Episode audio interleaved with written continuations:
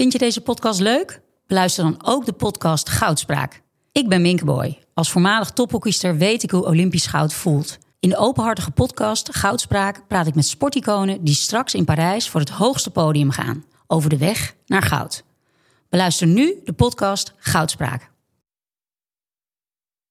Hoe werd het shirt van het onbeduidende Venetia FC een van de best verkochte voetbalshirts van de afgelopen jaren? Wat is er zo geniaal aan de MLS-deal van David Beckham? En waarom vinden we het normaal dat jeugdspelers gezien worden als investeringsobjecten? In de podcast Grof Geld onderzoek ik, Sam van voetbaljournalist, samen met merkstratege Per van der Brink de macht van geld in de voetbalwereld. Wat gaat er schuil achter de wereld van sport en glamour? En wie profiteert er? Luister naar Grof Geld en hoor hoe de Skybox de staantribune beïnvloedt. Het verhaal bij eh, de schoenen van Johan Cruijff na de finale, dat ging als volgt. Even één ding tussendoor. Daar Ja. wil ik toch. Kon je de verleiding weer staan? Heb je hem aangetrokken, bedoel je? Ja. And uh, there used to be a ballpark where the field was warm and green. And uh, the people played their crazy game with a joy I'd never seen.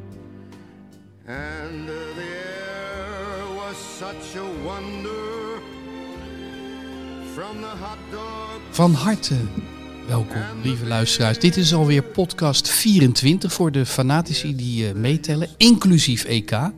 Wij hebben al in eh, verschillende samenstellingen 24 keer bij elkaar gezeten. Vandaag is dat eh, aan mijn linkerhand Frans de Mezen en recht tegenover mij Michel van Egmond en Henk Spaan. Ehm, Deze zullen- uitzending wordt mede mogelijk gemaakt door Toto. Het is dat jij het zegt en daar moet jij nog iets aan toevoegen. Namelijk dat mensen onder de 18 niet mogen meedoen aan de Toto. Precies. Ehm, zullen we beginnen met die eh, bijzondere uitslag gisteren in Eindhoven. Feyenoord won van PSV met 4-0. Ja. Zou er iemand zijn die dat hard voorspelt, eh, Henk? Nee, de 4-0 niet. Ook niet de ongelofelijke technische beheersing van Torenstra bij de eerste goal. Want het is, dat was exceptioneel mooi. Ja, er vielen dit weekend eh, eh, heel erg veel mooie doelpunten. Maar het mooie hiervan was dus dat de, de opstomende Pedersen, goede rechtsback trouwens, afgemeten voorzet. En ja, dan komt het aan op eh, rust en eh, techniek. En dat deed hij goed. Hè? De Toornstra die niet in het Nederlands zelf mag, volgens Perez. En ook volgens Mario Been, Michel. Ja. Toornstra heeft moet altijd vechten tegen critici. Hè? Misschien dat dit eh, hem weer wat extra krediet geeft. Dat heeft hij in Rotterdam al een beetje. En dat is ook terecht. Maar het is altijd, die jongen moet zich altijd bewijzen. Wat heeft hij eigenlijk voor status? Je hebt heel wat eh, helden en ook culthelden voorbij zien komen in Rotterdam. Eh, heeft hij iets weg toch ver van bijvoorbeeld Jozef Kieprits? Nee, daar is hij niet, niet excentriek genoeg voor, denk ik. Maar hij valt in het pulletje natuurlijk in Rotterdam, omdat hij hard werkt, niet moeilijk doet. Op de bank gaat zitten als hij op de bank moet zitten en er weer vanaf komt als het moet. Zich altijd inzet, ja, dan, dan kom je al een heel eind. Maar stiekem is natuurlijk een hele goede voetballer. Nou, ik, ik dacht dat dat heliumstemmetje, daarmee kun je een cultheld eh, worden. Hij is ook nog eens hartstikke slim, want hij heeft een studie volbracht. Ja, misschien is dat het. Is hij te slim om cultheld te zijn? Ja, hij had iets, eh, iets, iets excentrieks moeten hebben om, om in die categorie eh Gian, Kieprits, Obiku, et cetera, Guidetti te komen. Is er nu een Feyenoord-speler, hè, want we praten over een nieuwe lichting voetballers eigenlijk. Na Dick Advocaat, nieuwe trainer, maar ook een nieuwe selectie. Is er nu een speler die in aanmerking zou kunnen komen voor Ettengroei? Nou ja, ik denk die eh, Oostenrijkse skileraar die opeens op het veld stond en die het geweldig doet en die bijvoorbeeld nu een teamgenoot volledig in de vernieling liep. Ik weet niet of je dat hebt gezien. Ja, hij Die liep bossen- hard tegenop. Tegen die eh Pedersen, hè? Het- Of tegen die, eh, tegen die andere, eh, tegen, nee, tegen Pedersen aan inderdaad. En het leek net alsof het, als je naar hem keek, alsof er niets gebeurd was. En die jongen lag helemaal in de kreukels. Het was een, een soort middelgroot verkeersongeluk waar je getuige van was. En hij draaide zich om. Hij nam ook niet de moeite om te gaan kijken bij zijn teamgenoot. Vond ik ook heel komisch. Dit is Dus- iets wat hij waarschijnlijk elke avond in een nachtclub gewoon... Dat, eh, dat zou best wel een specialiteit van hem kunnen zijn. ja. Maar, Maar, het, is, eh, het is typisch een goede voetballer. Kijk, eh, dat moet je natuurlijk wel eh, hebben bij culthelden. Ed de Goeie noem jij als voorbeeld. Dat was een soort van cultheld. Maar stiekem natuurlijk ook een hele goede keeper. Ja. En Kieprits was stiekem een hele goede, zelfs een hele snelle spits.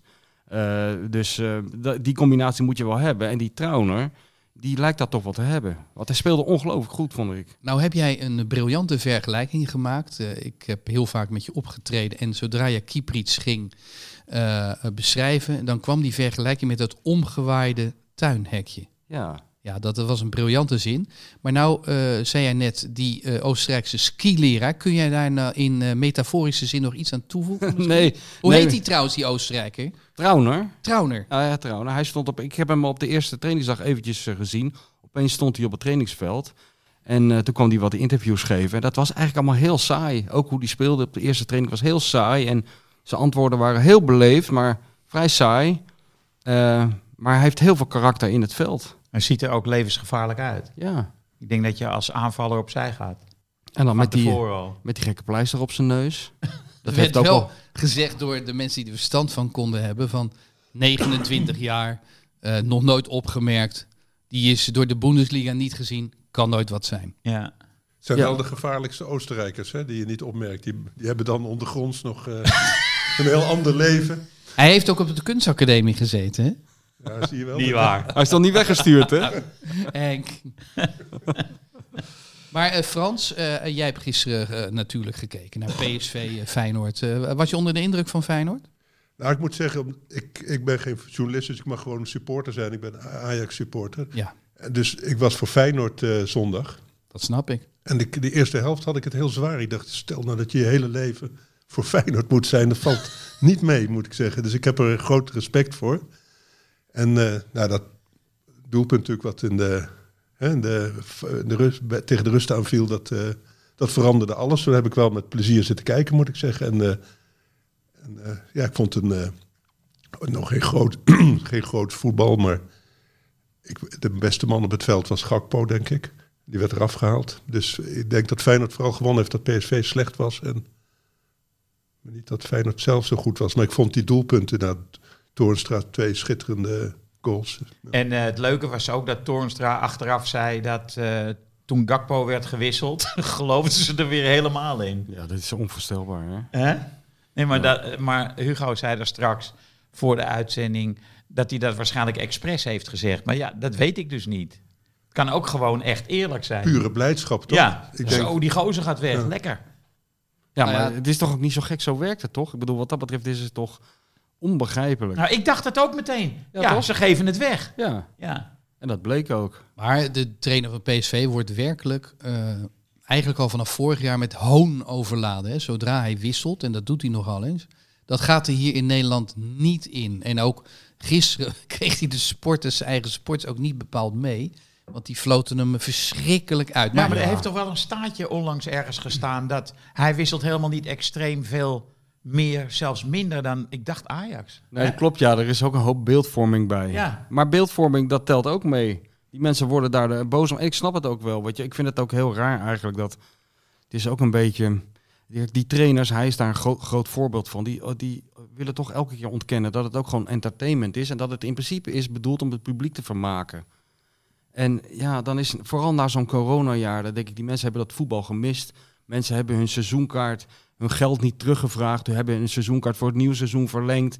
En dan gaat het eindelijk beginnen. En dan heb je iemand die constant de beste spelers van het veld afhaalt. Het is net als, als ze dat straks in de culturele sector doen. Dat die, die, die, die, die the- theaters open gaan. En een hal- na een half uur in het toneelstuk wordt de hoofdrolspeler eraf gehaald. En wordt de koekenbakker neergezet. Ja, ja, Ja, dan wordt iedereen- Pierre Bokma vandaag. Ja, dan wordt iedereen helemaal gek. Het is, het is zo'n ontkenning van waar het eigenlijk om gaat. Namelijk eh, die mensen in dat stadion een beetje plezier geven en de, en de tv-kijker plezier geven. En daarnaast is het ook irritant dat hij zo ijzeren heinig van zijn eigen gelijk overtuigd is. Dat stoort mij ook. Maar het is toch bij elke club dat die paar goeie het verschil maken. Dat elke club een paar spelers heeft. Ja. Hè, bij Ajax nu Anthony en, eh, en misschien Tadic als hij zin heeft. En die maken het verschil. Ja, maar dat is de overschatting van zo'n trainer. Die, die, gaat, die stapt daar overheen. Die denkt, nee, ik maak het verschil. Ik en, Ja. mijn, en mijn uitgedokterde systeem maken het verschil. Ja, het is wel interessant wat er nu gaat gebeuren. Wat vinden zijn assistenten? Wat vindt Toon Gerbrandt? Wat vinden de spelers? Hè, gisteren werd Gakpo dan gevraagd naar die wissel. En eh, nou, die kan het goed eh, maskeren. Van Ginkel is al eens een keertje losgegaan. Maar Ja, de ja. vraag is natuurlijk, als dit nog een keertje gebeurt, wie er uit de school gaat Ja, zo'n zo, je zo'n zo'n scène als Messi eh, dit weekend. Zo, Zo'n trainer die je een hand wil geven en dat je er massaal weg- voorbij loopt. jij. Messi Ja, die eh, fluisterde denk ik tegen hem nog één keer en jij bent gezien. Ik denk dat er niet veel trainers zijn die Messi gewisseld hebben. Eh, zijn hele nee. Zeker niet tegen zijn zin. Nee. Zo, die was echt zo kwaad. Bleef ook woedend op de tribune zitten. Hè? Ja. Maar het is ook gek, want Messi is ook zo'n speler. Die hoeft maar één keer eh, een bevlieging te hebben. En het is een goal. Hè, er zijn maar weinig spelers die dat... Maar Kunnen. Ja, maar bovendien zit je aan zijn status, weet je wel. Messi maakt zelf wel uit wanneer hij eruit gaat. Daar komt het eigenlijk een beetje Nou op ja, het is inderdaad voor, voor zijn branding is het slecht. Ja, maar ter precies. verdediging Een van Messi de... wordt niet gewisseld. Nee, dat maakt hij zelf wel Maar uit. ter verdediging van de Pochettino's en de Smits, eh, Messi en ook eh, Gakpo, die kan niet een eigen test in het laboratorium onderzoeken. Dat bloed, dat ziet er niet goed uit. Van Gakpo. Nee, of, of van Messi. Het zit, zit, zit er een beetje op. Hij zit aan het eind. Dat wordt een spierscheuring. Dat is een beetje de Dat is het idee, ja. Het idee van dat hele systeem is dat zijn team dus dat hij die blessures voorkomt. Hè? Dat zijn team fitter is Ja. en Ja. frisser. Maar tot nu toe, we zijn al pas een paar wedstrijden onderweg. En je kan niet zeggen dat het een fris team is. Nee, dat, dat het werkt dat gewoon is het. niet. Maar luister, ze hebben donderdag heel goed gevoetbald. Ja. Ze zijn heel diep gegaan. Juist in het laatste kwartier eh, gaven ze, ook met wissels, gaven ze heel veel. Eh, op het nippertje hebben ze niet gewonnen. Dus A, de teleurstelling. B, eh, de fysieke uitputting. En Feyenoord, die knalde er van het begin af aan heel goed bovenop gisteren. Ja, maar ik zei toch tegen jou, van ze, gaan, ze, ze krijgen het echt heel moeilijk, eh, PSV. Ja. Het, het was ook duidelijk een fysieke kwestie. En Gakpo was geblesseerd uit Nederland zelf al gekomen. ja, nee, het is een fysieke kwestie. Maar ik bedoel, zijn, dat systeem van dat wisselen, dat is er juist op gericht om die fysieke Ja, om op voor te zijn en Ja. op te lossen. Ja. Ja, jongens, waar heb je het over? Het is anderhalf uurtje voetballen. Kijk, als je naar wielrennen kijkt, dus zitten ze elke dag zes uur op de Ja, fiets. hier worden voetballers nou echt doodziek van, wat jij nou zegt. Nee, Hier worden nou- voetballers de vergelijking met tien uur op een fiets zitten. Nee, Nee, maar het wordt altijd jongens gedaan alsof het zo'n zware en, sport en is. Israël zeggen hetzelfde, hè? Maar het is helemaal geen zware sport. Het sport maar- voor artiesten, maar niet voor eh, ja, van, die, van die atleten. Dan ga je wel een andere sport doen dan voetbal. Vro- vroeger waren voetballers, hadden kromme pootjes en weet je wel, rare gebreken. Maakte toch niks uit. Garincha die hinkte. Dat, geen enkel probleem, Nee, die liepen dus niet zoveel. Dus Henk, als jij zegt Israël van Hanegem... ja, dat deugt allemaal niet. Die liepen vroeger zelf ook niet zoveel Nee, als die jongens. Nee, maar het is wel opvallend dat als je naar die eh, opstellingen van, van, van, van die tijd kijkt, dat de teams constant met dezelfde elf spelers Ja, speelden. Absoluut. Ja. Dat er Ja, nooit- maar- dus kennelijk nooit iemand geblesseerd raakt. Maar wat lopen ze nu? T- 10 kilometer? Dat is ook Nee, niet, ze eh, lopen natuurlijk nu beduidend veel meer. 10, en wat, 12, ja. en wat is essentieel is, ze maken veel meer sprints eh, per wedstrijd. Omdat, eh, ja, dat, dat was niet nodig in de jaren zeventig natuurlijk. Ja goed, maar dat train je dan een beetje op en dan, dan, dan doe je dat anderhalf. Kijk, zo, ik zag Dumfries weer, die heeft er weer geen moeite mee. Hè? Die zat bij Inter weer eh, op en neer te, te, racen. Dus, dus Die komt van een planeet... eh, eh, nee, maar het zijn jonge Ja, jongens, die, die, die moeten toch wel dat kunnen doen. Het, ik vind het raar. Ik vind, eh, Het is ook, ehm, kijk, Feyenoord brengt het ook op hè, tot nu toe. Met een hele smalle selectie. Als je ziet hoeveel energie dat kost, komt toch een beetje, die moet je toch slot eh, de, de credits voor geven. Hij heeft dat ze toch wijs gemaakt dat dat erin zit en dat dat moet en dat het nodig is en dat het resultaat boekt. En ik bedoel, ik vond het heel knap van, eh, wat dat betreft was het een wedstrijd tussen die twee trainers. Ik vond het heel knap van slot dat hij, eh, dit was toch de, echt de eerste grote test. En die heeft hij toch echt... eh, Ja, die heeft hij met- gewonnen. En twee middenvelders gewonnen. een beetje in de spits eh, elkaar laten afwisselen. Nou, ik, was dus heel, ik was bang dat hij heel dogmatisch zou zijn. En dat hij dus ook tegen PSV als een gek zou gaan aanvallen. Omdat dat nou eenmaal zijn, zijn, Stijl. eh, zijn stijl is. Ja. Maar dat heeft hij dus helemaal niet gedaan. Hij heeft PSV heel goed bestudeerd. Hij heeft Ja. het middenveld versterkt. En hij heeft een strijdplan gemaakt wat, wat werkte. maar dat Weet lukte wat- vooral na die eerste goal. Want ik vond de eerste Tuurlijk, helft vond ik ze heel slecht spelen. Ook dat middenveld verloren steeds de bal. Klopt. En toen ze de, de bus parkeerden en op de counter eh Maar wel, wel, toen waren ze wel goed. Ja, nee, dat klopt. Ja. Maar ze speelden eigenlijk twee soorten systemen door elkaar. Dat, dat, dat is toch meer dan, eh, dan ik had verwacht. Weet je wat mij zo opvalt is dat eh, de trainer Slot niets karikaturaals heeft. Nee. Hè, Je kunt bij Ten Hag iets verzinnen, bij Dick Advocaat, Schmid. Nee, hij doet het Maar die Slot die is echt doodgewoon. Ja. Nou, het enige karikaturale eraan is dat managementjargon wat hij heeft. Ik heb Nog nog nooit een trainer horen zeggen dat, eh, dat de, ploeg er in Q2 moet staan. Dat is dan het tweede kwartaal. Oh, dat ja. En eh, aan de voorkant gingen dingen goed en aan de achterkant... Hij, heeft, hij, hij introduceert een beetje dat BNR Nieuwsradio eh, jargon in, in de voetballerij. en, maar dat past ook wel bij hem. Maar verder vond ik hem, vind ik hem perfect in zijn reacties. Ook na deze wedstrijd vind ik hem ook een stuk sterker dan, eh dan Smit. Dat hij gelijk zei, alle credits naar die spelers. Systemen winnen geen wedstrijden. Die spelers moeten het invullen. Heel, heel, heel slim gedaan ook. Voor Ja. iemand die toch een beetje in het begin is neergezet eh, als een eh, voetbalprofessor. Waar toch, eh, ik bedoel, ik heb er zelf ook altijd een beetje moeite mee. Die mensen met die flipovers. Maar tot nu toe maakt hij het waar. Excuses aan de mensen die luisteren, die heel graag wat over Ajax weten. Het is al twaalf minuten niet over Ajax gegaan. Dat is echt een godswonder. Ja. Maar de- we kunnen het nu even over Ajax hebben. Waar ik me ontzettend aan heb gestoord, is de opvatting van Henk de Jong van Cambuur. Eh, je reist af naar de arena en je gaat eens lekker meevoetballen.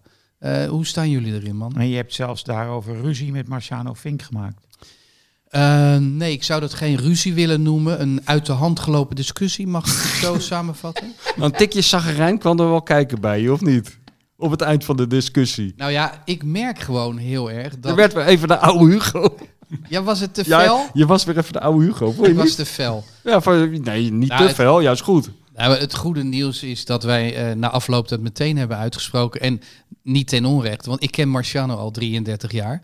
Ik heb hem nog voor Voetbal International eh, geïnterviewd. Ontzettende leuke gozer. En eh, ja, ik vond, maar hij heeft mij dat later uitgelegd. Ik vond dat hij te veel vanuit Amsterdam redeneerde. Van ja, wat moet je dan? Moet je dan als Cambuur, moet je dan twee van die muurtjes gaan bouwen en dan tegenhouden en dan verlies met 3-0. Ja, ik denk dat je dat toch moet doen. En toen volhardde ik eh, door te zeggen, want eh, Marciano vindt dat hij een, eh, een heel nationaal en ook internationaal profiel heeft. Dat hij niet alleen Ajax is, maar dat hij, hij zegt, ja, ik heb langer bij PSV en in Eindhoven gevoetbald. Nou ja, goed, wij hebben dat uitgesproken. Nee, en hij heeft vanmorgen getwitterd. Hij heeft die foto getweet dat jullie buddies weer zijn. Ik weet het. Ik weet het. Ik kreeg het meteen van een aantal. Ik, ik zie niet social media, maar ik kreeg het toegestuurd. Hartstikke leuk.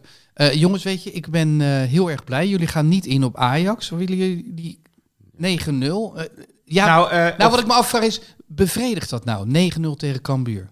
Ja, Ja, Natuurlijk. Frans zo? Ja? Ja, zeker. Want ik ben het ook niet met jou eens over Henk eh, de Jong. Want ik vond Cambuur best goed spelen het eerste kwartier. En, het- en toen hadden ze, als ze er toen één of twee hadden gemaakt, wat gekund had met... eh, Heb je een andere wedstrijd? Pas weer op de goal. Dus dan had je, heel, eh, Ja. had je anders ge- gepraat. Was Ajax ook wat Maar waar woon jij, Frans? Ik woon, eh, ja, ik kan Amsterdam zien als ik eh, op mijn dak sta. Dat vermoed ik al. Dat is toch weer die Amsterdamse bril, Frans. Ja, weer die Amsterdamse bril. hè? Ja, Ja, misschien is het een voetbalbril, Hugo. als je van voetbal houdt. Maar jij zegt het dan ook, hè, dat Cambuur zo leuk meevoetbalde. Inderdaad, ik heb ze twee prima combinaties zien maken en die gingen er niet in. Eh, maar de einduitslag is 9-0. Terwijl als je gewoon twee van die handbalringen opstelt, je geeft iemand eens een teringschop en je gaat lopen rekken. maar En- hey, Hugo, tegen de Portugese kampioen was het 5-1. Ja, maar dat waren geen Dat, is ook een gro- Portugezen. dat is ook een grote uitslag. Nee, Ja, er is het- DNA-onderzoek gedaan. Het blijken geen Portugezen te zijn. De linksback die heel erg goed was, die speelt bij Paris Saint-Germain, heb ik begrepen. Die was net Pedro verkocht. Porro klinkt ook niet Portugees. Nee, dat is gewoon een Fries. Michel, had jij de indruk dat jij eh, naar Portugezen zat te kijken bij Nee. Sporting Ajax? Mm, Nee, nee, dat niet. Nee. Ik zag maar wel een paar luister, vieze rekken maar- op het middenveld. Die Polinja en nog eentje, ja. Luister, die, de, ik geniet bijvoorbeeld nu eh, deze maand van Timber. Hij had tegen Cambuur... Maar je bent niet de enige hoor. Nee, dat weet ik. Hij had tegen Cambuur eh, had hij, eh, dus ook zo'n interceptie. Dat, doet, dat, dat is nieuw. Dat eh, heb ik nog, nog nooit gezien. Hij, zet dan, hij draait zijn lichaam een kwartslag. En hij zet de buitenkant van zijn rechtervoet zet hij tegen de bal aan. Het zou hem een keer een blessure kunnen opleveren. Maar hij deed het tegen, tegen Sporting Club de Portugal. Deed hij dat een keer. En precies dezelfde beweging maakte hij tegen Cambuur. Hij eh, paaste toen naar rechts. En daaruit kwam zijn goal. Het was gewoon... Ik vind het leuk om zoiets te zien. Hij, is, hij ontwikkelt zich natuurlijk eh pijlsnel. Nee, grandioze voetballer, maar Ja. verdedigend. Zie jij hem ooit bij Manchester United terechtkomen met zijn 1,79? nou, Cannavaro was even lang. Mm, Die was volgens mij toch iets langer. Maar ehm, het lijkt me geen beest in de lucht. En als centrale verdediger zo klein. Ja, ik weet het niet of je dan de internationale top gaat halen. Nee, dat deze jongen slaagt bij Ajax. Nou, hij kan Dat ook natuurlijk ook. iets meer naar voren spelen. Want hij heeft ook iets Kanté-achtigs, vind ik. Hij Maar hij kan, kan, precies, hij kan verdedigende middenvelder, maar ik denk dat hij ook rechtsback kan spelen. Eh, De jongen die komt er wel. Ja. Heb jij, Michel, van dat soort voetballers nooit bij Feyenoord eh, voorbij zien komen? Hoe bedoel je? Wat, Timber? wat soort- Nou, Henk doet net een beschrijving van een eh, eh, onderbreking, een interceptie en een briljante voortzetting. Jij, jij loopt al eh 30 jaar bij Feyenoord rond als het geen 40 is. Van Hanegem, hè? Ja, Ja, sorry, maar die kon het ook. Ja, zeker, ja. Die kon, die kon een bal afpakken, de tegenstander bewusteloos achterlaten en Ja. vervolgens eh, de assist geven. En nog iets heel creatiefs doen. Ja. Dat is het mooiste, hè? Ja. Ja, ik zit te denken. Nou, daar kom ik later nog op terug. Antal rood. Ja, Paul Bosveld was zo'n breker die ook nog wel kwaliteiten had. Die kon weet wel je voetballen, Paul. Die kon goed voetballen, die had een hoop techniek hoor. Zo, je hebt er wel van die voetballers tussen, zaten er tussen, als je het hebt over techniek en zo, eh, die, die- waarvan niemand het vermoedde dat ze eigenlijk stiekem heel goed konden voetballen. Bijvoorbeeld Ruud Heus. Heb ik ook wel eens in de zaal gezien. Die had een geweldige Ja, techniek. klopt. Zou niet verwachten. Ja. Was natuurlijk een rouwdouwer en hard. En, eh, maar eigenlijk stiekem kon hij goed voetballen. Arnold Scholten. Ja, die kwam van Den Bosch en Ajax. Heel gemeen, Kon hè? heel goed voetballen. En heel gemeen. Ja, dat was, Zei iedereen eh, altijd dat, eh, dat elftal met de, hebben ze het altijd over de, de Wolf en Fraser, maar die jongens eh, van het elftal zelf, die zeiden het vervelendste om tegen te spelen op de training was Arnold Scholten. Gemeen, knijpen, pijn doen, op je tenen staan. Verwacht je niet, hè? Nee, Van iemand die de witte Socrates wordt genoemd. Nou, door zichzelf. Ja, oké. ik weet niet of hij dat zelf heeft verzonnen, Henk. Hij was de enige die het serieus nam. Dat wel. Ik kijk even naar links. eh, Frans Tomezen. Er is weer iemand dood. Jimmy Greaves. Omdat jij hier chef dood bent, eh, verwacht ik van jou een, eh, nou, een necrologie van anderhalve minuut. Ja, ik ben op zich wel hou ik van dode voetballers. Want hoe, hoe dooier, hoe beter ze worden in, in, je, in, Ja. je, in je herinnering enzovoort. Maar Jimmy Greaves is voor mij eerlijk gezegd altijd een, eh, een naam geweest. Ik, als ik denk, denk 66, het Engelse nationale team, eh, Ja. Wereldkampioen. Maar er staat mij geen... Hij speelde niet mee, hè? In die Nee, finale. hij zat op de bank. Nou, vandaar dat heb ik hem even gemist dus. Dat vind ik jammer. Dat vind ik jammer. Ik kijk even naar de overkant. Eh, Henk, jij bent eh, op een zekere leeftijd. Ja. Jimmy eh, Greaves. Nou, dat is een van de drama's in het leven van Greaves. Hij, sp- hij st- stond in de basis in 66 en raakte geblesseerd in de laatste groepswedstrijd.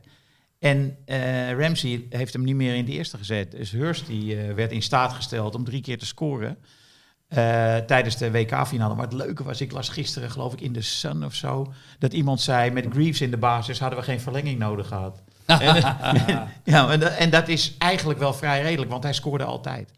Ik heb één keer eh, het leukste cadeau dat ik ooit van mijn vader heb gehad, was voor Sinterklaas.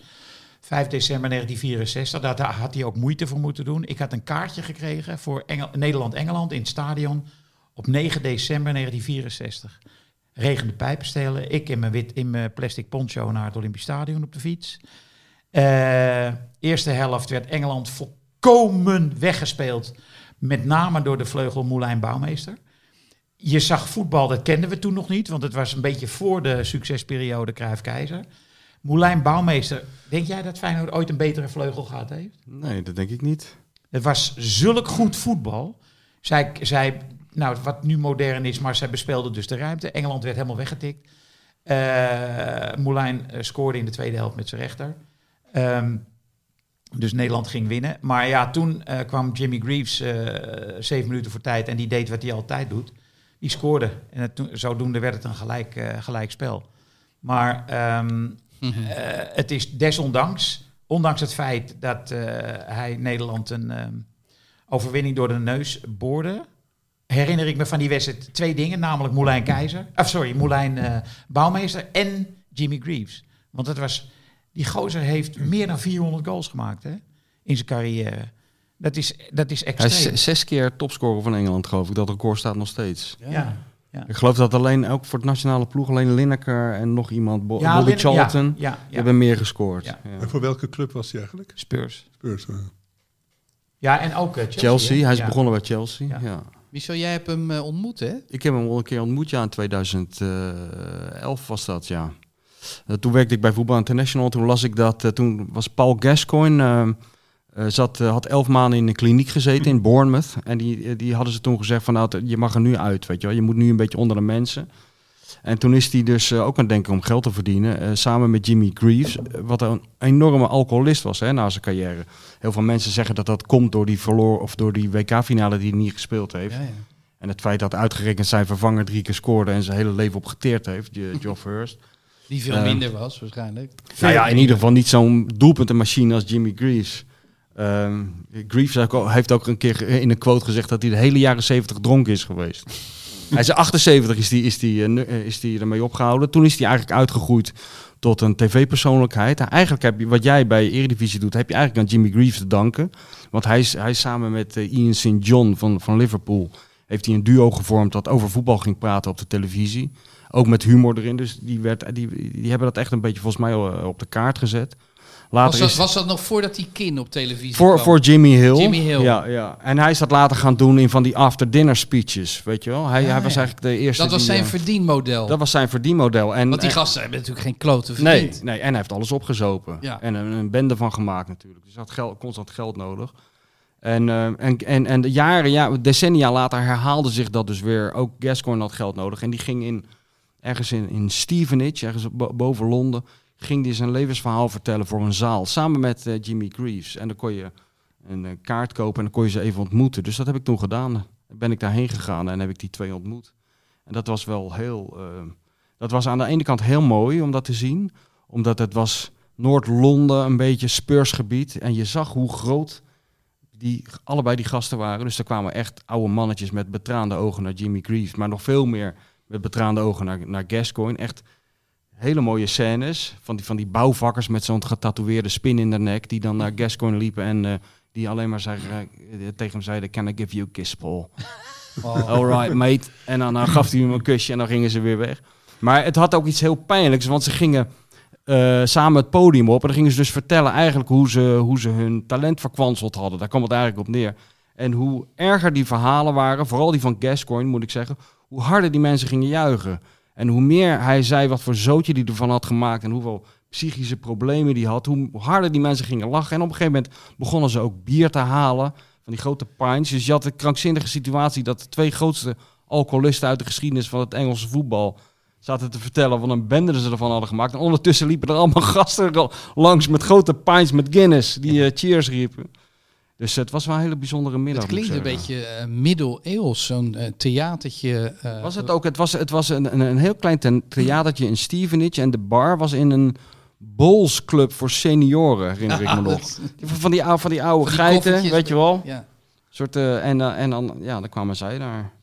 Maar wat zou dat zijn van het eh, bloeddorstige publiek? Eh, dat, dat de sterren ook maar eh, ja, Ja, dat was- stervelingen waren? Of? Wij hebben natuurlijk Wim Kieft, heb jij natuurlijk eh, Ja. op, die- op dat podium neergezet. Ja, maar oh. Wim, Wim heeft Ja. dat wel altijd met, veel meer schaamte verteld, weet je wel. Wim heeft altijd wel, eh, heeft er nooit stoer over gedaan, laat ik het zo zeggen. En dit, Nou, wa, hij dit maakt er nu toch wel een soort... nu, nu, act nu, van, hè?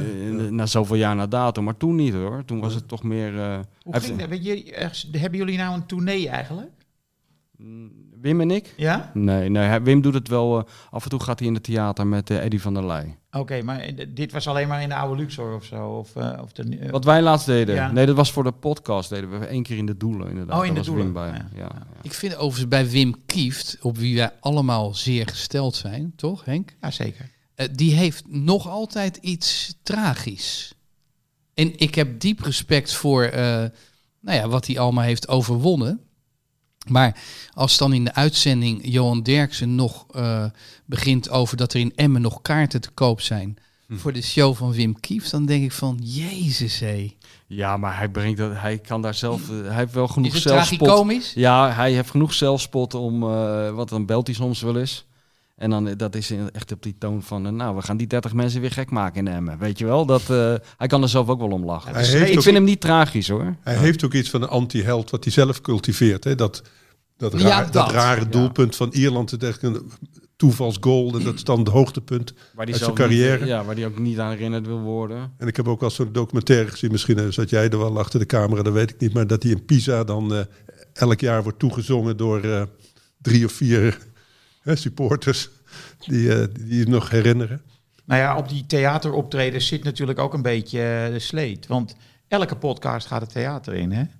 Wij moeten daar serieus over gaan nadenken. En Michel heeft ook Maar gedaan. niet Ja, terwijl als er nou één medium je- ongeschikt is om in het theater te doen, is het een podcast. Want er is echt niks aan om te zien. nee, nee. Maar nu gaan, eh, hoorde ik, Gijs Groenteman en Marcel gaan Ja. ook eh, theater Over de, pannenkoek, eh, over de pannenkoekbusavonturen. Oh, gaan ze ja, dat vertellen? ja, ja. Henk, je moet beter in de microfoon praten. Kijk, Sorry. Pelle, Pelle is streng. Die trekt Ja. een wenkbrauw op.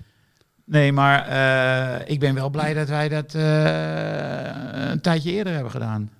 Hè? Maar- Wij zijn eigenlijk de voorlopers van dit. Wij hebben het al lang achter de rug, toch? Ja. Nee, maar de uitvinder is eh, Jimmy Greaves uiteindelijk. Oh ja, tuurlijk. Ja. Ja. Nou ja, Jimmy Greaves, ik weet wel, ik kom eigenlijk uit de regio Den Haag. En daar heb je, had je vroeger in de jaren 50 het eh, beroemde ADO jeugdtoernooi. Misschien heb je dat nog wel nog steeds. En daar, ik weet wel van mensen van mijn vaders generatie, die hadden het erover dat Chelsea daar op bezoek kwam met een jeugdspeler. En dat was Jimmy Greaves. Daar hebben, ze, daar hebben mensen gewoon decennia lang over gesproken. Volgens mij is Aten Mos daar ook bij geweest. Of als spelertje of als toeschouwer. Maar dat vond ik toch wel, wel waanzinnig. Dat ik toen ik tien was, mensen tegen mij begonnen te vertellen dat in de jaren 50 een jeugdspeler waanzinnige dingen had gedaan eh, in het Zuiderpark. Dus ja, maar hij is echt de Engelse Pelé, hè? ja, ja, precies. Ja. Het, eh, ook gezien het aantal doelpunten, ja, dat de Pelé dan meer. Maar eh, de status van die mensen in Engeland is Ja. niet te... Dat begrijpen wij gewoon Nee. niet. Nee, en ook de, hoe ze dat uiten, hè, dat vond ik wel heel opvallend die middag daar in dat Stevenage of die avond. Dat hoe die toch wel eh, stijve Engelsen eh, reageerden op, op die twee. Dat we, opeens had je het idee dat je in Napels was of in, in, in, in Mendoza of eh, in Zuid-Amerika. Zo reageerden ze wel aan ze zitten en, en, en zeggen hoeveel ze voor ze betekend hadden. Had, iets heel ontroerends ook. Terwijl het mooie was ook, en het tragicomische, die mensen begonnen dus tegen, vooral tegen die Greaves van... Ja, ik was, ik was 15 toen ik jou dat, dat en dat doelpunt zag maken. Maar die Greaves was alles vergeten. De hele jaren 70 is, heeft totaal weggezopen. Weet. Korsakov. eh, Ja, en dat wist helemaal niet meer wat over heeft toch zo'n verhaal?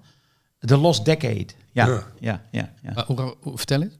Nou ja, dat, gaat daarover. Iemand die is tien jaar kwijt in dat verhaal. Maar die heeft gedronken toen. En Ozzy Osbourne had dat ook. En toen hoorde hij na die tien jaar zijn muziek. En die zei, ik wist niet dat ik zo slecht was. Ja, en Gascoigne had het andersom. Die vertelde daar die avond dat hij een wedstrijd moest spelen. En toen noemde hij helemaal dat, dat ritueel op wat hij deed voordat hij, ik geloof, een wedstrijd Spurs tegen Newcastle of zo. Ik weet niet precies meer. Toen zei hij, nou de avond daarvoor was ik eigenlijk al bloednerveus. Was één grote uh, zenuwenwrak natuurlijk, die, die Gascoigne. Dus hij had acht slaappillen en drieënhalve fles rode wijn en et cetera. Toen naar bed gegaan. Toen wakker geworden om vijf uur. Toen nog twee slaappillen en een driedubbele cognac. Toen wakker geworden. Nog een slaappil, een paar biertjes tegen de schrik. Die spelersbus in, nog een paar pillen. Wedstrijd spelen, in het hotel uh, uh, half bewusteloos in bed neervallen. Wakker worden en een vriend die dan op de kamer zit. En dan vraagt Gascoigne aan hem, Jezus, wat is er allemaal gebeurd? Uh, hoeveel is het geworden? En hoe heb ik gespeeld? Uh, waarschijnlijk heel slecht. Toen zei hij, nee, uh, hoe kom je erbij? Kijk, hier staat de beker, je was man of the match. hij wist nergens meer van. Ongelooflijk. Ja, dat had die Greaves dus met de helft van zijn carrière. Ja. En ze hadden ook de beelden niet. Nee. dat is zo lang geleden. Er werd niet alles van bewaard. In Nederland hebben we buiten Wim Kieft hebben we niet zo heel veel uh, van dit soort gevallen. Um, er werd wel doping gebruikt, maar dat was toch meer uh, spierversterkende middelen en zo. Nee, hey, pure pep. Uh, vitamine en zo, hè? Ja, wat die, uh, die Feyenoord-dokter en uh, die dokter bij AZ en dokter Roling bij Ajax, ja. die gaven gewoon uh, pep, pepmengsels, cocaïne, cocaïne amfetamine. Ze waren er toch niet verslaafd? Ik bedoel, in, in Engeland heb je echt ver, ja, alcoholverslaafden. Ja. Dat hebben we in Nou, Nederland Ja, maar die drankcultuur is natuurlijk veel groter Ja. in Engeland. Sowieso in het land en ook in het voetbal. Eigenlijk Arsène Wenger is de eerste geweest. Die heeft verboden dat er in het clubhuis na aflopen of op wedstrijddagen geen alcohol in de Want toen de stond ijskast Tony stond. Adams stond altijd dronken in de verdediging. hè? Paul. Merson, Paul Merson, wat dacht je daarvan? Die waren verslaafd aan alles. Die waren verslaafd aan drank, Gokken. gokken, seks. Die reden graag eh, door de heg van de buurman heen om vier uur s'nachts. En eh, ja. Maar die cultuur en dingen, hè. Gascoigne vertelde het ook over eh, eh, zijn idool. Hij had twee idolen, Johan Cruijff en eh, Robson. Eh, hoe heet die? Eh, Brian Robson. Ja? Die noemde die dog shit trouwens. Hij zei van ja, dat was zo'n speler. Die was eigenlijk overal op het veld waar je hem niet verwachtte. Net als hondenpoep. Het worden wel goede. Maar uh, die zei van die dronk, die dronk 18 pints voor een wedstrijd. De avond voor de wedstrijd. Brian Robson. Ja. Daarom schoot hij tegen Nederland in eh 88 waarschijnlijk twee keer op de paal in plaats, kunnen. ja. in plaats van in het doel. ja. Ik hoor Johan Cruijff eh, noemen. Eh, ik ben vorige week samen met Matti Verkamman eh, de eigenaar geworden van de WK voetbalschoenen, de finale schoenen van Johan Cruijff. En dat vervult ons toch wel met... En wat, heb jij de linker en hij de rechter? Of hoe werkt nou, dat? zo zijn we wel op de foto gegaan. Ja, hij zegt, welke wil jij vasthouden? Ik heb de rechter genomen. Ja. Hoe, maar hoe kom je eraan? Nou, het is zo dat de man van wie we het gekocht hebben, die had het weer van zijn vader. Dat was eh, Henny Warmenhoven. Adidas. Adidas. En eh, die man die had een eigen museumpje eh, in, in Etteleur. Ik heb daar nog foto's van gezien. Ja, zijn vader is op een zeker moment gestorven. En ja, de zoons dachten, wat moeten we ermee? Hebben dat opgeslagen in eindeloos veel dozen. Ja, toen werd er een keer verhuisd. En toen zijn bijna alle dozen zijn bij het oud vuil gegaan. Onder andere de, de schaatsen van Art en Casey zijn zo in een vuilcontainer terecht. Heel veel verzamelaars krijgen nu een hartaanval. Hè? Ja, wij, Mattie en ik hebben ook eh, staan janken te- toen we dat eh, verhaal hoorden. Maar ja, deze man die ging kleiner wonen en wist eigenlijk niet goed eh, misschien ook de, de waarde ervan. Gelukkig heeft hij wel in vier dozen de belangrijkste reliquieën bewaard. Daar zit bijvoorbeeld ook bij, eh, want we hebben een verzameling gekocht, eh, de schoen waarmee Rensenbrink in 78 op de paal schoot. Eh, er zitten schoenen bij van Vaneburg, van Hanegem, nou ja, noem maar op, nog een shirt van Rijkaard. En ja, het is toch leuk omdat wij de indruk hebben dat het nu niet meer kwijt kan raken. En omdat, wij nog de wens hebben, samen met Derksen en Kees Jansma, om nog ergens een keer een, een dependance of een echt museum te mogen inrichten. Ja. Ik begrijp niet waarom dat er niet van komt. Het is, eh, jullie zijn er echt al jaren mee bezig. Ja, het is mislukt, hè, Middelburg. Ja, maar waarom? Ja, nou, ik vind Middelburg dan ook niet per se de aangewezen stad voor zoiets. Dat, moet je, dat verwacht je toch centraler. Nou ja, de, de vraag is van, kijk, als jij eh, een museum begint met alleen maar wat reliquieën, daar krijg je niet een, eh, een museum ja, winstgevend mee of winstgevend kostendekkend mee. Dus je zal het toch moeten combineren met, tegenwoordig zo gaat het nou eenmaal, een experience waar Nou ja, kinderen Ja. eh, leuke, leuke dingen kunnen dat doen. was aan de toch in. Middelburg zo? Dat was toch Ja, allerlei maar dat is toch hele slechte bewindvoering geweest. Ja, ja. Wij hebben dat gedelegeerd. En dat hadden Johan, Kees, Matti en ik eh, niet. En die eh, collectie is toch helemaal gejat en zo, of verdwenen? Ja. Hij is toen eh, uiteindelijk is die, eh, naar ehm, een meneer gegaan in Roosendaal. Die heeft het oude voetbalstadion daar, of ja, zo oud was het niet, heeft hij ingericht daarmee. En dat is ook failliet gegaan. en toen bleef er een, eh, ja, eh, iemand eh, die in een stichting zat, bleef op die collectie zitten. Daar hebben we een rechtszaak voor gevoerd. En toen hebben we de spullen uiteindelijk teruggekregen. Dus uiteindelijk is het weer van ons geworden en we bezitten het nodige. Maar ja, dat staat ergens veilig opgeborgen. Volgens mij eh, moet het eh, mogelijk zijn eh, op de manier waarop clubs hun fanshops eh, beheren. Je hebt bij, bij Manchester United heb je een fantastisch museum, Barcelona, idem dito. De KNVB zou toch een voetbalmuseum moeten kunnen inrichten met een grote winkel van wie is de huidige sponsor van Nederland zelf, dan Nike.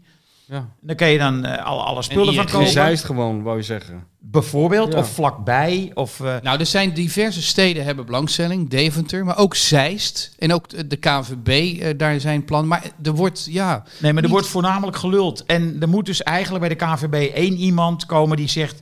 we gaan het doen, we gaan, hè, de sponsor moet eh, zich erachter gaan scharen... en dan moet dit toch binnen een half jaar van de grond kunnen worden getild. Maar ik zal je een voorbeeld noemen van dat wij in Nederland niet goed om kunnen gaan met eh, ons eh, culturele erfgoed als dat iets populairs is. Eh Mattie Verkammen en ik waren met het shirt van Marco van Basten, dat in mijn bezit is, in het Rijksmuseum. En daar raken wij aan de, aan de praat eh, met de man die gaat over 20e eeuw. En dat is dan natuurlijk heel breed. Dat heeft niet alleen te maken met een sportverzameling, Ja. maar eh, nee, ze, ook met tegenwoordig nemen en- ze van alles. Ja. ja. Eh, ja, en deze man, tot onze stomme verbazing, deed daar toch een beetje geringschattend over. Wij inbrengen van, eh, nou ja, eh, in, het is de eerste grote prijs die het Nederlands elftal heeft gewonnen in 88. Ja. Eh, rond 1988 was er veel Ja. euforie. Er was dat lied van Hazes. Het is echt populaire cultuur. Dat shirt is in de tweede helft door Van Basten gedragen. Daar heeft hij in gescoord. Ja, hij begon toch van, ja, we hebben toch meer interesse in spullen van Kruif. En ja, wij waren voornemens om, om het, het te schenken aan eh, het Rijksmuseum. In feitelijk kwam het erop neer. Geen belangstelling. Nou, wij zijn eh, weer eh, naar huis gegaan met Hugo, ik vind, stomme het, ik verbazing. vind het een schande, want ze hebben een stokje van Olde Barneveld. En dat shirt van Marco, dat zou daar... Het pistool van dat Fortuyn Ja, om het dus- leven heeft gebracht. En geen van die dingen heeft zo'n volksoploop Nee, en het heeft veroorzaakt ook- als dat shirt. Nee, Nee. maar weet je, dat is gewoon... Het is ook die- het einde van de Tweede Wereldoorlog geweest. Hè? Dus dat Ja, is toen, ja, toen, toen de, bevrijding... manier, Ja, zelfs mijn moeder, die, eh, die Ja. de echte maar bevrijding Zo ook had iemand die eh, deugt niet voor zijn taak. Nee, ik kan jammer genoeg even niet op zijn naam komen. Maar Mattie Verkammen en ik waren echt met stomheid geslagen toen wij weggingen. Dat hij daar geen belangstelling voor had. Ja. Maar goed, eh, Henk, eh, wij hopen ook dat er een keer een museum komt. Maar ja, dat dan- is wel de reden dat, eh, dat jij dus nu, ik weet niet waar je het nu gevonden hebt, maar dat je dus regelmatig op zolderkamers schoenen vindt van beroemde spelers. Omdat die- daar wordt door heel veel mensen geen waarde aan gehecht. Het wordt ergens neergegooid. En het is aan, aan liefhebbers zoals jou te danken en Matti, om dat eh, ergens vandaan te, te, te, te peuren en een plek te geven. Zo heb ik ook nog, eh, ehm, weet jij nog dat Feyenoord UEFA Cup won? Ja, natuurlijk weet jij dat Ja. nog. Waar was jij? In de Kuip? In het stadion, ja. Ja. Nou goed, eh, ik was nog op heel goede voet met Pierre van Hooijdonk. en het flesje bier dat hij direct na afloop dronk, Carlsberg. Dat flesje bier dat heb ik meegenomen, want dat was het flesje bier waar Pierre van Hooijdonk toch de belangrijkste man van die wedstrijd, met twee goals dacht ik, eh uitdronk. En dat heb ik ook nog in mijn bezit. En dat wil ik eh, heel graag eh, schenken. Sorry, maar Wat? dit vind ik Aan geen het belangrijke Carlsbergs vondst. Museum. Zit, er sta, zit er nog statiegeld op, Hugo? Ook Pierre van Hooijdonk mag dat komen opvragen als hij dat wil. En dat krijgt hij van mij, gratis. Voor het NAC-museum. Nou, daar heeft hij volgens mij geen goede banden mee. nu. Oh. Maar wat Henk zei, die, die musea in Engeland bij die stadions, die zijn fantastisch. En er zitten ook altijd mensen die alles weten. Hè, dat zijn vrijwilligers of weet ik wat. Ja, Ja. dat is geweldig. Bij En- Manchester United de hele kasten vol over de vliegramp. Hè? ja. Dat, is, het, dat grijp je gewoon bij de keel daar als je daar nu nog loopt. Liverpool. Maar daar komen dat- ook veel mensen. Hè. Die, die stadions, dat zijn bedevaartsoorden. Ja, maar dus daar is het, het, het, het, het, eh, historisch besef is ook veel groter. Hè? Dat, eh, ik bedoel, dat, dat, dat merkte ik, eh, om nog even één keer op Jimmy Greaves eh, terug te komen, dat merkte ik die avond ook daar in dat Londen. Dat alle generaties wisten hoe groot hij was. Dat Ja. wordt van vader of zoon op zoon Ja. verteld. En dat heb je wel nodig om die interesse in van die museumstukken levend te houden natuurlijk. Maar is hij niet, wordt hij niet ingehaald door die spits Kane van de Spurs? Nou, nee, bij, bij een bepaalde generatie natuurlijk sowieso niet meer. Dat heeft ook met leeftijd te maken wel. Ik weet niet, ik weet, dat kan ik niet inschatten hoe die nu, hoe populair die Kane is. Ah, of is hij niet zo goed, Kane? Ik denk niet dat hij zo goed is als Jimmy Greaves. Dat denk ik zeker niet. In ieder geval gaat hij nooit die statistiek evenaren. Daar kan je wel van uitgaan. Maar hij scoort als een gek. Ja, maar niet zoveel als hij. Als je dat ziet, dat is onvoorstelbaar. Maar het heeft met eh, wat, wat, eh, wat jullie vertellen, Henk en jij, het heeft ook met verhalen te maken. Ja. Verhalencultuur. Hè. De sport is natuurlijk meer dan de wedstrijd zelf. Het is eigenlijk, die wedstrijd is eigenlijk een intermezzo tussen allerlei verhalen die, die al voor die wedstrijd In dat beginnen. verband. En na die wedstrijd ook doorgaan. En vaak zijn wedstrijden, als je eerlijk bent, best wel saai. Maar dat doet er helemaal niet toe. Want je hebt die verhalen eromheen. Waardoor Klopt, volkomen juist. Ja, die, die, die mistwedstrijd van Ajax tegen Liverpool is daar toch het beste voorbeeld van. Niemand heeft dat gezien. Ja. Maar daar zijn de meeste verhalen over te vertellen. Over een wedstrijd die Dat niemand heeft meestal gezien. met mist, hè? Ja, nee, maar ik bedoel, me- meestal met mist valt er daarna niet zoveel te vertellen, want je hebt niks gezien. En nu, nu worden nog steeds, eh, maakt AT5 eh, één keer in de drie maanden een reportage over die wedstrijd. Ja, is toch zo? Terwijl niemand heeft het ooit gezien. Dus het gaat juist om die verhalen, ja. Het, sterker nog, die wedstrijd kan het alleen maar ontkrachten. Het verhaal bij eh, de schoenen van Johan Cruijff na de finale, dat ging als volgt. Even één ding tussendoor, dat Ja. wil ik toch... Kon je de verleiding weerstaan? Heb je hem aangetrokken, bedoel je? Ja, natuurlijk. Nee, er, er zitten proppen in, die heb ik er nog niet uh, uit. maar dat ga je wel doen, hè? Ja, dat ga jij doen. Hij heeft er nog niet aan gedacht. Hij heeft er nog niet aan gedacht. Nu heb je hem op het idee ja, gebracht. nou, ik kan, nou Ja. laat het er niet meer los. Nee, maar ik heb natuurlijk wel aan geroken. Jongens, het ruikt, nee, maar het ruikt zalig. Het ruikt naar leer. Er zit eh, onder nog, en ze zijn nooit meer gedragen aan een stukje gras. Dus dat moet van eh, Ja, ja. 74 Ja, zijn. ja. Maar het leuke is dat eh, na afloop eh, was Cruijff zo kwaad. Die smeet ze naar eh, Van Warmhoven, of Warmhoven, ik weet niet wat ik moet zeggen. Eh, en die zei toen, hier, voor je schoonmoeder. Waar ze nooit terecht zijn gekomen. Goed. Ja, ja. Ik heb een keer het pak, dat pak waar Louis van Gaal die eh karate-sprong in deed. heb- Oh ja. Heb ik een keer een weekendje in mijn huis gehad. Dat heb ik wel aangetrokken. Ja, maar heb je het gedaan? Ja, leuk gedaan. zijn foto's Ja, van. dat zijn foto's van, ja. Nee, Hugo, die ga ik niet laten zien, maar die zijn gemaakt. Maar waar, waarom deed je dat dan gewoon? Hè? Waarom? Ja, balloren. Ja, ik zat beneden, we zaten beneden. Ik, ja, je hebt dat pak daarboven hangen. Dat kan tot, ja, ik weet niet. Dat doe je gewoon. En En je- en heb je jij een beetje dezelfde maat trouwens? Nee, helemaal niet. Nee, nee. En je, je bent niet geblesseerd geraakt met die poging. Ik heb niet die, die sprong proberen na te doen. Dat kwam me dan net inhouden in de gang. Maar verder heb ik dat wel gedaan. En waar is dat pak nu? Dat is weer terug bij de rechtmatige eigenaar. Een man uit eh, vlakbij eh, Eindhoven die eh, een privémuseum heeft. Oh. Die, die alles heeft. Ik, ik ben even zijn naam vergeten. Kom er straks wel op. Ik kijk naar links. Daar staat een scherm. Toto week 38. Eh, Frans is Matthijs van Nieuwkerk. Michel is Frank van der Lende. We gaan even het rijtje langs. Fortuna krijgt Ajax op bezoek. Henk Spaan. Ja, eh, het gaat ervan komen. Haller gaat ook in ehm, de eredivisie een hat maken. Uh, Matthijs. Ja, de, een, een assist van Berghuis. Of die, de- ja, wat, eh, wat die uitslag is. Ik zeg niet. een assist en een goal van Anthony. Frank? Ja, die zegt dat Ajax binnen 15 minuten scoort. Hoe die erbij komt, weten we niet. Maar hij zegt het wel.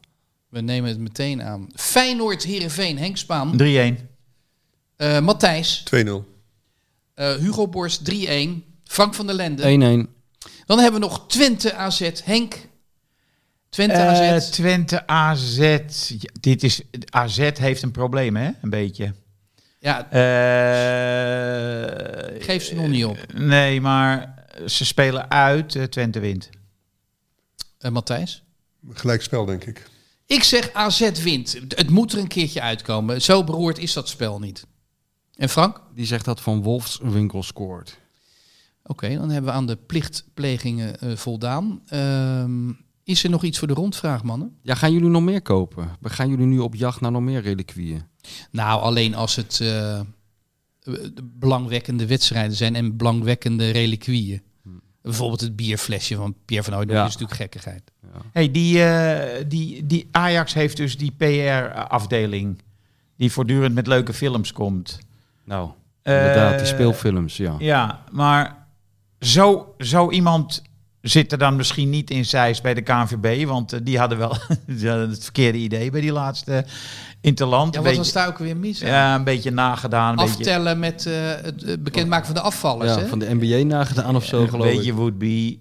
Maar eh, Als die Ajax-afdeling nou naar Zeist zou gaan. nou, kijk, laat ze, laat ze Ajax bellen en vragen... hoe zouden jullie nou zo'n museum opzetten?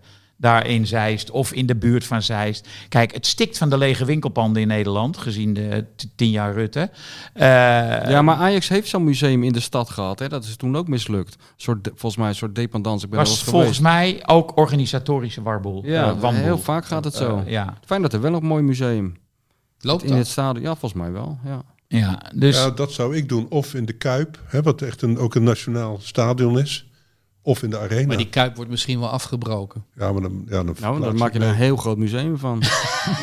dat zou geweldig zijn. Nou ja, net zoals serieus. Olympisch Stadion. Ja, maar Olympisch Stadion die hebben wel ruimtes, maar dat zijn dure ruimtes. Hè. Er zitten kantoren, reclamebureaus, eh, weet ik veel. Ja. En eigenlijk is er niet zoveel ruimte, want het is alleen maar die beneden, de, zeg maar, de vertrekken in die benedenste ring. Het valt er best wel tegen. Eigenlijk moet Zeist, KNVB, moet zeggen van... dit kost ons anderhalf miljoen per jaar... en dat is het gewoon waard. Want dit is cultuur, Nee, historie. Maar ja, misschien is het ook wel zo dat er gewoon heel weinig... Kijk, wij hebben er al met z'n vieren zoals we hier zitten allemaal een gevoel bij.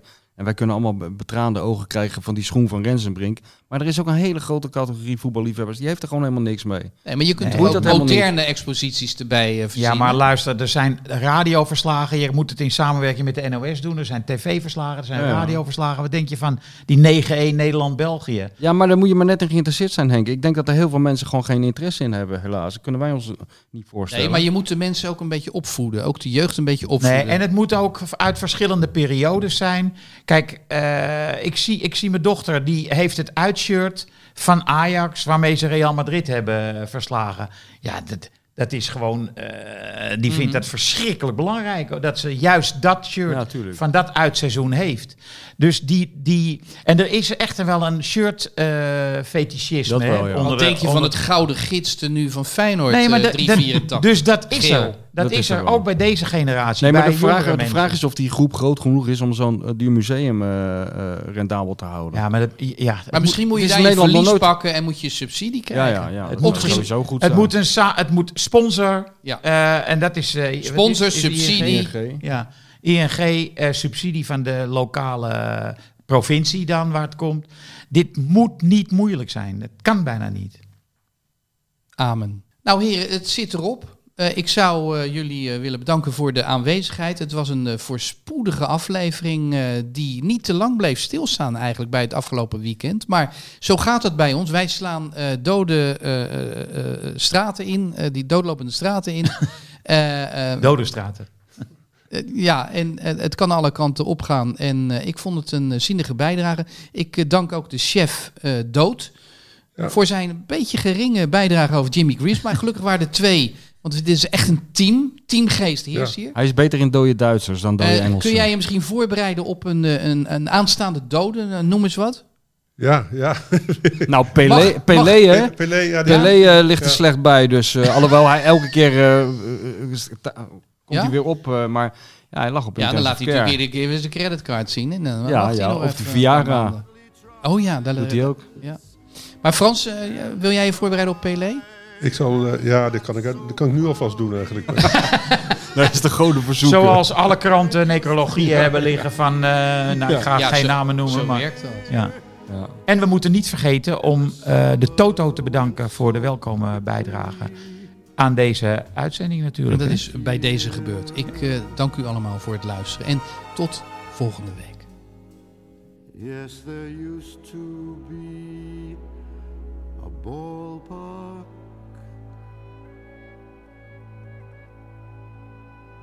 right here.